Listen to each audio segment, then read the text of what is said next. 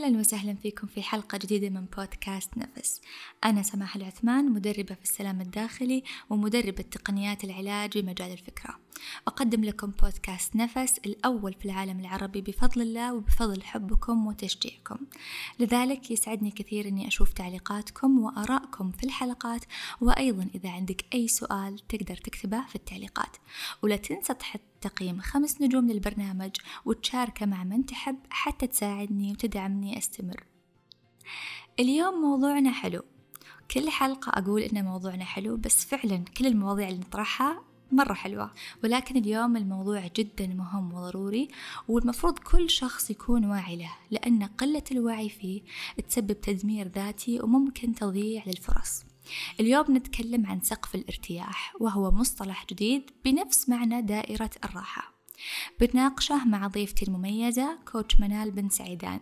خذوا نفس عميق وخلونا نبدأ. أهلا وسهلا فيك منال وحياك الله معنا في بودكاست نفس. آه منال عرفينا عن نفسك وعرفي المستمعين عليك. يا أهلا وسهلا سماح. سعيد إني أكون معك اليوم. أنا منال بن سعيدان آه عندي شركة concept آه، للدعاية والإعلان.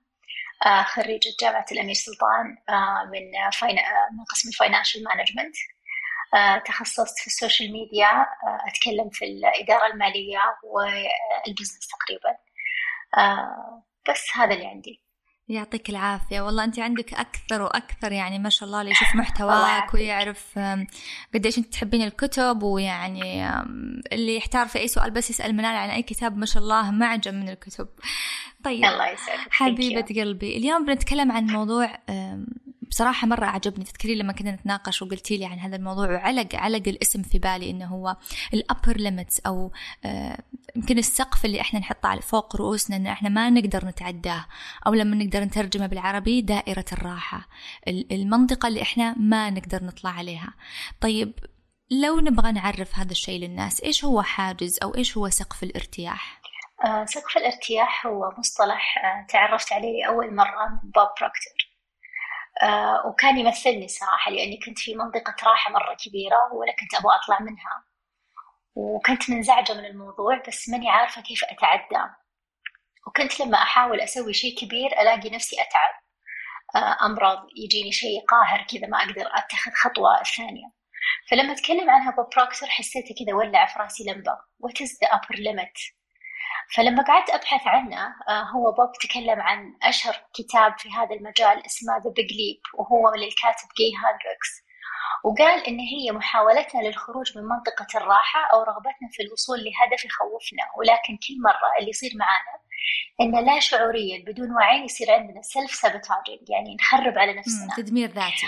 آه، تدمير ذاتي. آه، الكاتب جي هاندريكس هو أصلا executive coach فهو يقول أنا اشتغلت مع كبار المدراء من آبل من شركة ديل فيقول لاحظت أنه حتى المدراء الناجحين مرة تجيهم هذه فكرة الخوف اللي أنا ما أقدر أوصل المكان اللي أنا ما أست... يعني ال self doubt أو ال self sabotage فنلاقي نفسهم يخربون على نفسهم يرجعون لمنطقة الراحة.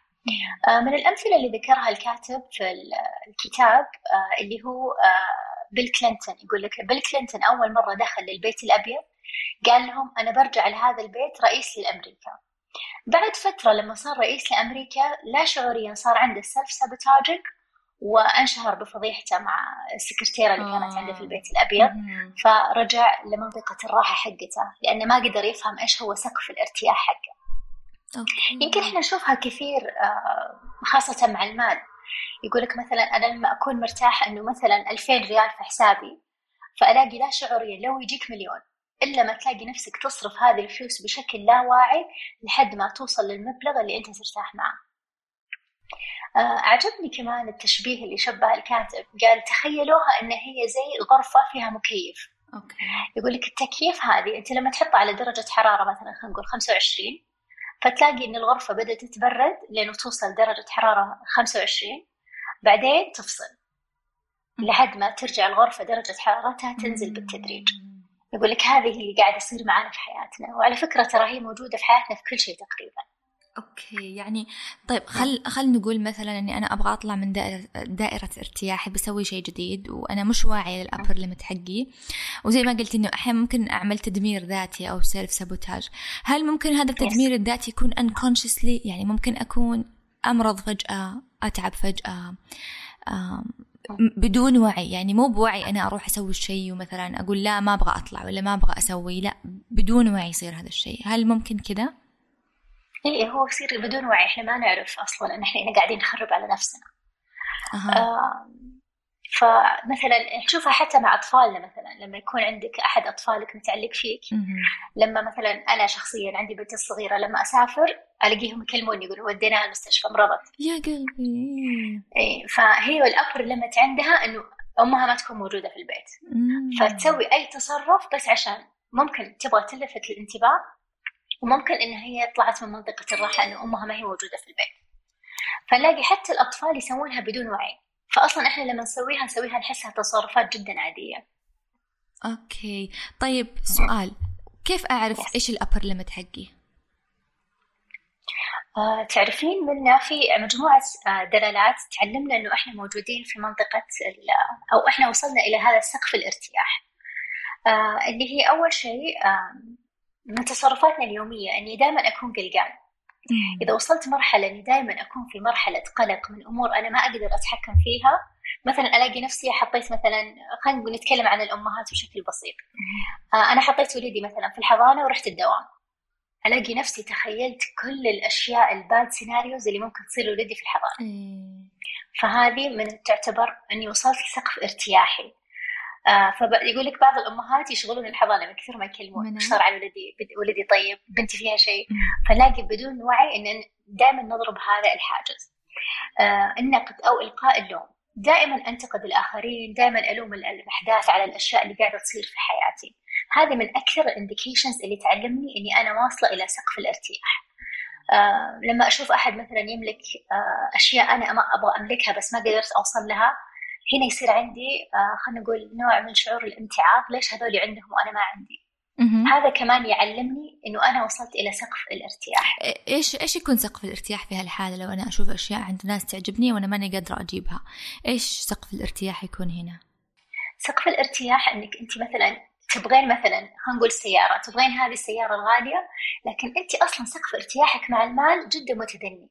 أه. فكيف بيكون عندك هذا المال اللي أنا بجيب فيه هذه السيارة؟ وعشان كذا أنا تضايقت عشان كذا أنا أتضايق أصلا آه، في من الأشياء اللي يتكلمون عنها مدربين آه، تطوير الذات يقول لك في بعض الناس ما يعرفون هم وش يبغون. فكيف أعرف أنا وش أبغى؟ إني أشوف الأشياء اللي تسبب لي شعور الغيرة من بعض الناس. أوكي. لما أنا أغار من فلانة إنها مشهورة إذا أنا أبغى الشهرة. لما أنا أغار من فلان عنده هذه السيارة. إذا أنا الهدف حقي إني أبغى نفس هذه السيارة. فهي تجي بهذه الطريقة. it's sneaky way بس إنها طريقة إني أعرف وش أبغى من الأهداف. فهمت عليك فهمت عليك. yes آه في كمان عندنا آه آه شيء اسمه ال deflecting آه أو التشتيت. بمعنى لما أجي أقول لك الله عبايتك حلوة ما نقبل الإطراء. أقول لها آه هذه العباية عندي من زمان. ولا لما أقول لك ما شاء الله عليك إيه. بدعتي في ال presentation إيه. تقولين آه لا عادي يعني أنا سويتها يعني متعودة مثلا أو أي شيء. ما أقبل الإطراء وأقول شكرا. هذا برضو من الأشياء اللي تخليني أعرف إني أنا وصلت إلى خارج دائرة ارتياحي فهمت عليك. اللي مثلا تصير إنه والله بلوزتك حلوة ولا تقول لا لا عادي ترى كلها ب 100 ريال يعني. تستسخف الشيء أو توريك ترى لا ترى هو ما له قيمة. صح. آه، طيب هنا تكون دائرة الارتياح حقتها إيش؟ إنه هل لها, لها علاقة باستحقاقها؟ إنه هي مثلا تشعر أنها لا تستحق الإطراء فبالتالي هذا هو سقف ال limit عندها ولا ما دخل؟ آه ممكن. ممكن يكون عندي مثلا خوف من إني أكون تحت spotlight إنه أنا لما تعطيني هذا الإطراء مثلا كل الناس بيطالعون فيني. أنا ما أحب هذا إني أكون آه، في هذه النقطة إنه أحد يطالعني أو أحد يكون مركز معي. فهذه أحد النقاط إني أكون مو مرتاحة أصلا إني أكون في دائرة الضوء. okay فهمت آه كمان من النقاط اللي عندنا إني أكثر الجدل. أه. آه يصير عندي جدال آه، مع كل أحد ومع كل الناس. تلاقين في ناس سبحان الله أصلا طول الوقت يجادلونك على أشياء. يعني أحيانا أنا بالنسبة لي بعض ال client أحسهم يتعبوني أقول لهم يجادلون يجادلون بعدين يرجعون لنفس النقطة اللي أنا قد تكلمت فيها من البداية وناقشت معهم في البداية. طيب خلاص أنا ناقشتك من واقع خبرة وقاعدة أقول لك وأختصر عليك الطريق. لا تناقشني ولا تجادل. أحيانا ودي أقول للعميل لا تناقشني أنا عارفة إيش قاعدة أقول. فهذه من الأشياء اللي بالنسبة لي أنا تطلعني من سقف الاستياحي آه آخر شيء اللي هو آه يا إني أمرض أو تجيني إصابات. حتى بعض الناس أحيانا يقول لك يسوون حادث مثلا قبل meeting مرة مهم بس عشان ما يروحون لأنهم يعرفون إن بعد هذا ال meeting ممكن تكون يصير لهم نقلة نوعية في حياتهم الوظيفية. فهذه من الأشياء اللي إحنا نسويها بدون وعي مننا. آه لما أمرض أو تجيني إصابة غالبا أسأل نفسي ثلاث أشياء. هل أنا أعاقب نفسي بشكل لا واعي هل أنا أمنع نفسي من شيء ممكن يكون يسبب لي نقلة أو يغير من حياتي بشكل جذري؟ أو إني أحمي نفسي من شيء معين. وش الشيء اللي أنا أحمي نفسي منه؟ هل أنا أحمي نفسي من النقد؟ هل أنا أحمي نفسي إنه ما حد يجرحني؟ فهي ثلاث أسباب لا واعي إحنا دائما نسويها زي ما قلت لك بدون وعي. okay very interesting صراحة. طيب okay كيف كيف أطلع من هذا السقف؟ أو كيف أتجاوز هذه الدائرة؟ آه في دائرة أعتقد الأغلب بيعرفها نسميها إحنا ال learning كيرف الكاتب في الكتاب سماها ال activity zones قسم حياتنا إلى أربع مناطق. وقال لنا إنه ال activities اللي نسويها في حياتنا تنقسم إلى أربع مراحل.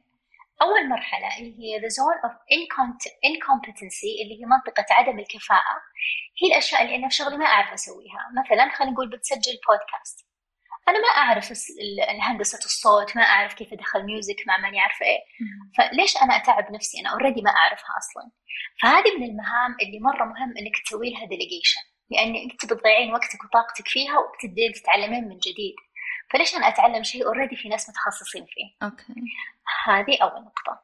المرحلة الثانية اللي هي the zone of competency. مثلا أنا أعرف أسجل بودكاست آه ومثلا خلينا نقول أسوي عندي أدوات في البيت ولكن ما أبغى أضيع وقتي. في أشياء مهمة أبغى أركز عليها فأكلم استوديو أقول لهم خلاص أنا بجي أسجل معاكم. فأتفق مع الاستوديو وأروح أسجل عندهم وهم يتصرفون بالمحتوى اللي أنا بتكلم فيه. وهذا خطب يعني نحاول نطبقها على المهام اللي إحنا نبغى نسويها في حياتنا اليومية. الانكومبتنسي الشيء اللي أنا ما أعرفه. الشيء الشيء اللي أنا أعرف أسويه بس برضو في غيري يقدر يسويها. وهذه نقدر بكل سهولة إحنا نسوي لها delegation أو نوكل أحد يسويها بالنيابه عننا لأن إحنا نبغى نتفرغ نوصل للمرحلة الأخيرة اللي هي the zone of genius فكيف أوصل لها؟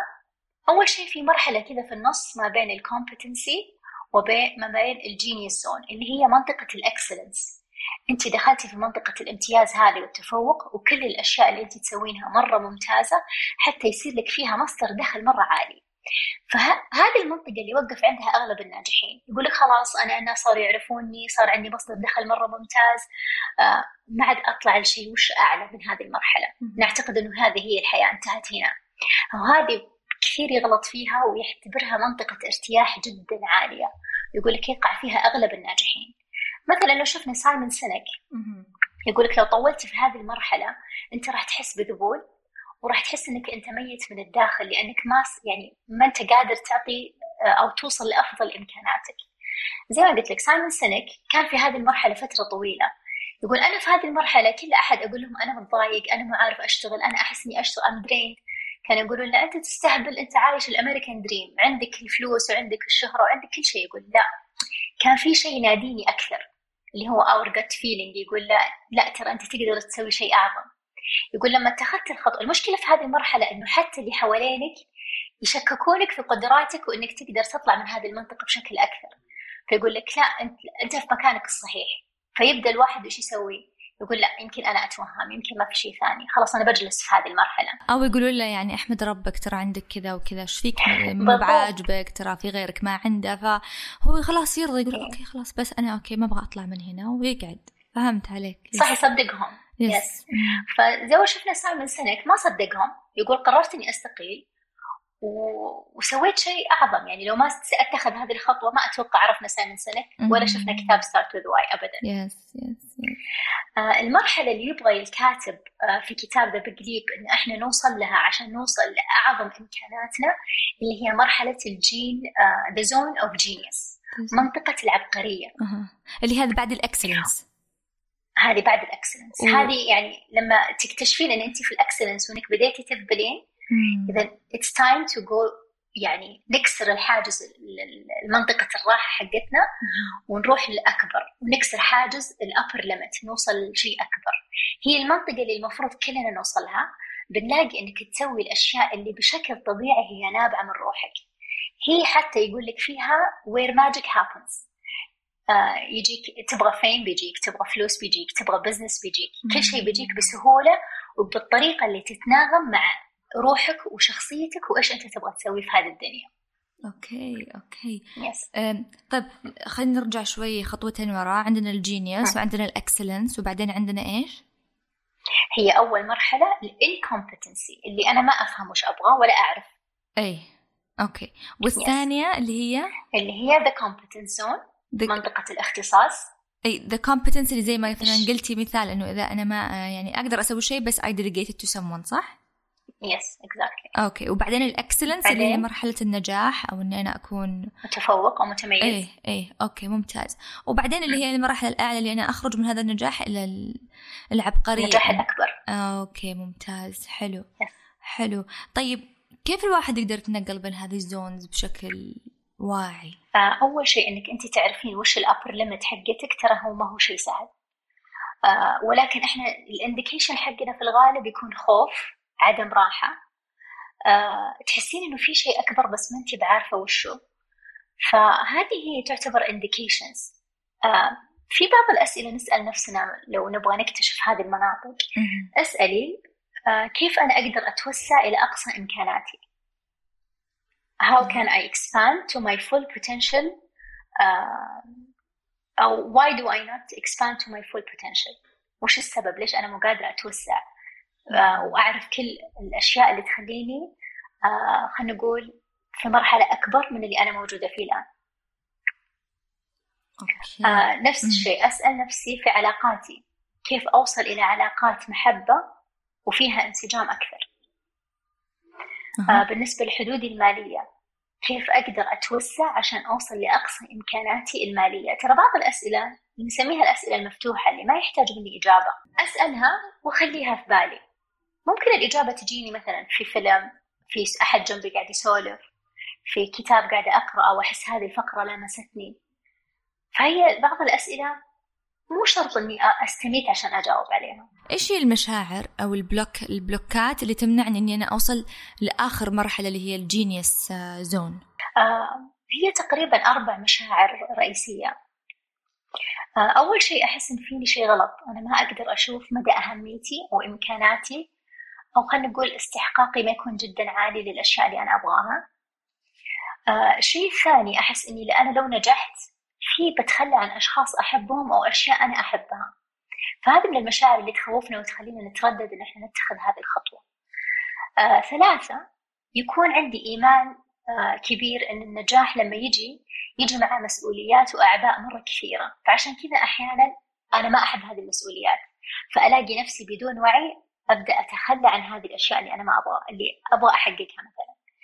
آه آخر شيء ممكن آه شخصياتنا ما تحب آه تسليط الأضواء عليها أو ان نكون on the spot فنحس إننا لما أنا أكون تحت تحت الأضواء فأنا بخسر ناس مقربين مني. آه أو ممكن لما أكون أنا تحت الأضواء في ناس بتزعل مني أو ما راح تكون مرتاحة في وجودي. فهذه هي المشاعر اللي تخليني أعرف هل أنا آه إني ما أقدر أوصل لمنطقة العبقرية. ترى هذه مشاعر مرة مرة مهمة يعني يمكن ما تجي على بالنا. بس فعلا يعني أنا مثل مثل الأشياء اللي سبق واكتشفتها أن آه، أبغى أنجح بس ما أبغى أشيل مسؤوليات كثيرة أو أخاف أشيل مسؤوليات ما أقدر أشيلها. هذا هذا شيء اكتشفته فصح مليون بالمية. إيش هي الخطوات البسيطة اللي أنا أقدر أسويها عشان أطلع أطلع شوي من منطقة راحتي؟ يعني أحس هذه أنا بالنسبة لي كانت an eye opening experience. حلو. إني أنا كنت أتوقع إنه أنا لازم أبذل مجهود خارق للعادة عشان أطلع من دائرة الراحة هذه. اكتشفت انها لا مرة مرة بسيطة فوق ما تتخيلين. أول شيء لازم نعرف إنه مناطق الارتياح هي موجودة في كل شيء في حياتنا. من الأكلة اللي أنا أحبها للبس اللي أنا أرتاح فيه آه، للمشوار اللي أنا أحب أروحه آه، للقهوة اللي أحب أقعد فيها. كل هذه أشياء بالنسبة لنا دوائر ارتياح. إحنا نعتقد أن دائرة الارتياح هي زي الغرفة وإحنا قاعدين فيها. مم. لا هي ما هي كذا. هي إن شاء الله لو قمتي من النوم وبتروحين تفرشين أسنانك دائرة الارتياح إنه أنا غيرت معجون أسناني. أها. آه من جاب هذا المعجون هذا جديد لا أنا بس أنا ما أحبه أنا ما تعودت عليه. فأحس بشعور عدم راحة. آه والله بلبس مثلا اليوم بلبس أسود عشان آه أبغى أنسقها مع عبايتي الزرقاء. عشان يلبس اليوم عباية زرقاء. فأحس إنه آه ما لقيت الفستان الأسود. يا الله وش بلبس الحين؟ فأتنكد وأحس إني طلعت من منطقة الراحة حقتي. فتجي في هذه الأشياء البسيطة. طيب عشان أتعود على هذا الشعور الغير مريح وش ممكن أسوي؟ يقول لك مثلا أنت لو رحت قهوة مثلا أنا أشرب iced latte. طب كيف أطلع من منطقة الراحة؟ إني أغير مشروب اليوم. أقول خليني بشرب black coffee اليوم. فأنا بالنسبة لي black coffee مثيرة للقلق الصراحة. ما تريحني كثير. أيوة. وأخاف تكون حامضة. فهذه من الأشياء اللي ما تريحني. طيب مثلا أغير القهوة أصلا. أغير ال coffee shop اللي أنا أروح له كل يوم. مثلا أنا بالنسبة لي ستاربكس جنب بيتي. و more convenient for me إني أمر drive through قبل ما أجي المكتب. بس لما فتحت القهوة تحت مكتبي صرت أقول لا والله فتحت قهوة تحت مكتبي. في البداية ما كان شعور مريح إني آخذ منهم قهوة لحد ما تعودت عليها. آه ممكن أقرأ كتاب في مجال جديد. ممكن أنا متعود أقرأ في كتب ال business. خليني أقرأ رواية. هو في البداية الشعور ما يكون مرة مريح بالنسبة لك. تحسين في شيء غلط. تحسين أنت قاعدة تسوين شيء ما هو. لا أنا المفروض إني أقرأ كتاب business. مو المفروض إني أقرأ رواية. آه إني أسمع موسيقى مختلفة. مثلا أنا أسمع الصباح yes أسمع الصباح مثلا آه شيء هادي. خلينا نسمع اليوم مثلا طق. آه ما أعرف يمكن رابح صدر. جاء في بالي على طول. دائما أقول لهم مين ربط فيروز بالصباح؟ يعني في أشياء كثيرة نسمعها في الصباح مو شرط فيروز. آه آكل أكلة مثلا ما أحبها. آه هذه كلها أشياء مرة بسيطة بس تساعدني إني أتعود على الشعور ال uncomfortable feeling إني ما أكون مو لازم أكون مرتاحة أصلا. آه فهذه الأشياء البسيطة هي تخليك تطلع أو تتعود على مناطق راحة جديدة. يقول لك أنت كيف تطلع من منطقة الراحة؟ بالاستمرارية. أه. أنا كل يوم أشرب black coffee لحد ما يصير عندي مرة مريح إني أشرب black coffee لما يكون عندي مرة مريح يصير it's time for change. آه أنا أتذكر آه، في دبي قبل أسبوع أنا كنت في دبي آه أنا بالنسبة لي كانت خروج من مناطق راحة مرة كثيرة. يعني يمكن أغلب الناس مثلي لما يروحون دبي يروحون يتعشون في سموير يروحون يتقهون في أرابيكا يعني كلنا نسوي نفس الجدول تقريبا. فقلت لهم كان معي أمي وبنتي الكبيرة قلت لهم إيش رايكم المرة هذه كل شيء يكون جديد؟ أي. يعني نفطر في مكان مختلف نتعشى في مكان مختلف نتغدى في مكان حتى القهوة ما صراحة ما أقدر شيء جديد. بس إني أحاول أروح أماكن جديدة يعني فبالنسبة لي أقول لهم هذه السفرة كانت خروج من مناطق راحة مرة كثيره آه، لأن هذه يمكن إحنا ما نستوعب إنها لما انت تسوين مثلا يقول لك لما يكون في هدف عالق في حياتك يكون انت متعودة على دائرة الارتياح. كيف أخلي هذا الهدف يتحرك؟ إني أسوي شيء غير مألوف.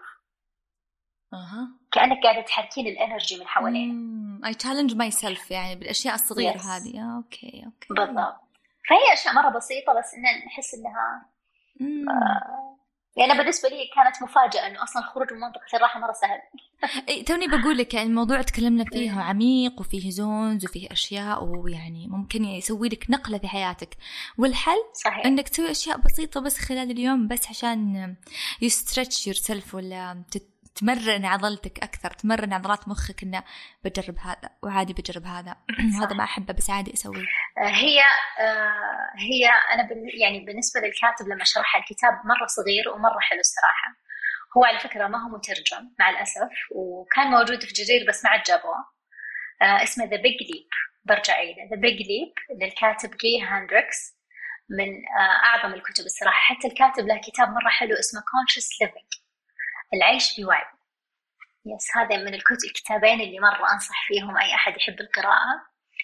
آه هو نرجع بتكلم عن نقطة مرة أبغى أشدد عليها إنه خروجنا من دائرة الارتياح أو كسرنا لسقف الارتياح هو بالتكرار. إني أكرر العادات الغير مألوفة بالنسبة لي. ترى الفكرة هي لها مسميات كثيرة يعني من أضمن المسميات اللي سمعتها آه، لبوب بروكتر سماها ذا تيرر بارير حاجز الرعب. يقول لك أنت تشتغل على نفسك تشتغل تشتغل لحد ما توصل إنه في results بس أنا اخاف إني أتقدم. بس إني ممكن أحيانا حتى ما أشوف results بعض الأهداف تحتاج لها آه، يقول لك زي حبة الثلج. حبة الثلج لو خليتها ساعة قدامك ما يتحرك شكلها. بس فجأة تلاقيها انهارت وصارت موية. فهو التغيير ما يجي كذا بسرعة. زي لما تروح النادي كل يوم بس ما تنحف إلا بعد شهر مثلا. أو ما تشوف result إلا بعد شهر. فهذه بعض الأحيان إحنا نوصل لهذه المنطقة اللي أنا قاعدة أشتغل على الهدف بس ما شفت results فوش يصير؟ يقول بوب بروكتور أنت تصقع في هذا الحاجز و you bounce back ترجع للخلف عدة خطوات. فتلاقي نفسك كأنك في ال hamster wheel. تروح وترجع على نفس المنطقة. فعشان كذا هي ما هي سهلة أنك تطلع منها. ولكن هي يبيلها استمرار وإصرار ممتاز ممتاز. الله يعطيك العافية. صراحة يعني موضوع كان مرة عميق وبسيط وجميل. طيب قولي لنا منال إيش تعطينا نصيحة أخيرة الناس تقدر تطبقها وتستفيد منها؟ آه طبعا آه أنا بعطيكم آه ثلاث تكنيكس تقريبا عشان نطلع من سقف الارتياح أو أتليست نعرف سقف الارتياح حقنا. آه أول شيء كل يوم اسأل نفسك أو انوي مع نفسك إنك تعرف سقف ارتياحك. أنوي معرفة سقف ارتياحي وفي نفس الوقت إني أعرفها بمتعة. إحنا تعودنا أو تعلمنا أو انقال لنا إنه التغيير يجي بألم أو اكتشاف شيء في حياتك لازم يكون مؤلم ومتعب. لا ليش؟ خلينا ننوي البهجة خلينا نعرف إنه التغيير يجي بسهولة ويجي لما أنا أنوي التغيير ويجي بسعادة بعد. فأول شيء كل يوم قول لنفسك أنوي إني أعرف إيش هو سقف ارتياحي وإني أكتشفها بمتعة. اثنين لازم أعرف إيش هي قائمة التصرفات اللي أنا أتصرفها لما أكون في منطقة الراحة. هل أنا من الأشخاص اللي دائما في مرحلة قلق؟ أنا بالنسبة لي كانت بالنسبة لي مرحلة القلق هذه أنا دائما أعيش فيها. آه هل أنا دائما أنقد الناس وألوم عليهم؟ ودائما ما أتحمل مسؤوليات. دائما أرمي كل شيء على الناس. هل أنا دائما أحاول إني ما أشتت يعني ما أخلي التركيز علي دائما ودائما أحاول إني أشتت الانتباه عني. هل أنا أكثر الجدل؟ يعني كثرة الجدل على فكرة هي أحسها درين للإنرجي حقتك. جدا. آه يعني حتى لو مو أنت اللي تجادل زي ما قلت لك أنا في الميتينجز أحس لما يطلع هذا العميل يا الله قديش أنا مستنزفة. أقول لهم بيجي هذا العميل خلاص لا تحطوا لي ميتينجز بعد أنا بطلع البيت على طول. من كثر ما يحسسني إني أنا مرة أرهقت واستنزفت. إيه. آه فإذا لقيت نفسك تتصرف أحد هذه التصرفات دائما خلي تركيزك موجه. طب أنا إذا تصرفت هذه التصرفات وش الشيء اللي قاعد يزعجني؟ أو ليش أنا قاعد أتصرف هذه التصرفات؟ هل أنا أحاول إني أبعد الأضواء عني؟ هل أنا ممكن يكون لي نقلة؟ في مجال عملي أو في حياتي أو في المال وأنا مو قادرة أشوفها. هذه من الأشياء اللي مرة مهمة اللي لازم أعرفها. آخر نقطة آه ذكرها الكاتب حبيتها كثير إنه اكتبوا سيناريو حياتكم كيف أنتم تشوفونها وكل يوم تخيلوها. هذه من النقاط اللي ممكن نتكلم فيها في موضوع آخر سماحة اللي هي ال self image كيف أنا آه، أتخيل نفسي أو أشوف نفسي بال self image اللي أنا أبغاها. يقول لك بوب بروكتور برضو من الأشياء اللي علمني إياها كثير الممتنة لهذا الرجل. يقول لك أنت ما قاعد تحقق أهدافك لأنك أنت نفسك مو قاعد تشوف نفسك مع هذا الهدف. ف your self image ما هي قاعدة تضبط مع الهدف حقك. فهذا أتوقع يبي له موضوع ثاني نسولف فيه. هذه يبي لها حلقة ثانية ولازم نسويها. بصراحة ال self image مرة مرة مرة مهمة يعني. قد ما تشتغل على نفسك بس أنت تشوف ما تشوف نفسك بالصورة اللي أنت تبغاها في ال future أو صورتك مشوهة فتحتاج إنك أنت تعالج هذا الموضوع. Yes. الله يعطيك العافية منال. يعني والله العظيم من أجمل اللقاءات اللي مرت علي ومن أكثرها يعني uh, the topic was very interesting to me وحبيته ممتع ممتع جدا. فالله يعطيك العافية ومرة مبسوطة إنك معاي اليوم. وأبغى أقول لكل اللي يسمعونا ترى منال دائما تسوي بوك كلاب يعني ما شاء الله لأنها قارئة جيدة وممتازة أكشلي فدائما تسوي book club اللي حاب ينضم معاها لأنها تشرح الكتب بطريقة مختلفة وأنا كنت جربت دخلت معاها book club كان جدا حلو. آه كمان تسوي دورات عن الوعي المالي. إيش بعد منال؟ آه، حاليا آه، حاليا هذه اللي أسويها. آه، أنا executive coach وأقدم الحين جلسات اللي توهم مبتدئين في ال business أقدم business and success coaching يعني في هذه الجلسات إحنا نحدد أهداف الشخص نعلمه كيف يكتب الأهداف كيف يكتب سيناريو الحياة. يعني نعلمه أنا بالنسبة لي هي تمكين شخصي. من شخص ما يعرف مثلا إيش يبغى في الحياة لحد ما يطلع من عندي عارف هو إيش يبغى يسوي أو إيش الأهداف اللي يبغى يحققها. آه نفس الشيء آه أنا كنت أقدم جلسات مع منشآت في مجال الدعاية والإعلان لأن تخصصي. آه وهذه الشركة اللي أنا أشتغل فيها حاليا. آه من الأشياء اللي أنا جدا محببة على قلبي الصراحة ال book clubs أكثر شيء. وإحنا ناقشنا كتاب Start with Why yes وتبدعين فيها الصراحة. فعشان كذا أنا أنصح أي أحد يعني مهتم بقراءة الكتب أو مش مهتم بقراءة الكتب بس يبغى يسمع الكتاب ويفهمه بطريقة لطيفة وبسيطة يحضر مع منال راح أحط لكم حسابها في في وصف الحلقة. شكرا يا منال. نورتينا اليوم حبيبتي. الله يسعد قلبك. thank you شكرا على هذه الفرصة. وأنا استمتعت اليوم معك. ومن المواضيع المحببة إلى قلبي الصراحة اللي هو ال upper limit barrier وفي الختام خلونا نسأل الله أنه يدلنا على نقاط ضعفنا ويساعدنا نكتشفها بأنفسنا ويساعدنا ويسهل لنا الطرق اللي تساهم في تطويرنا بكل حب وأنه يعلمنا المعنى الحقيقي والإلهي للنجاح والسعي والاجتهاد وتحقيق الأهداف. ألقاكم في الحلقة القادمة في أمان الله.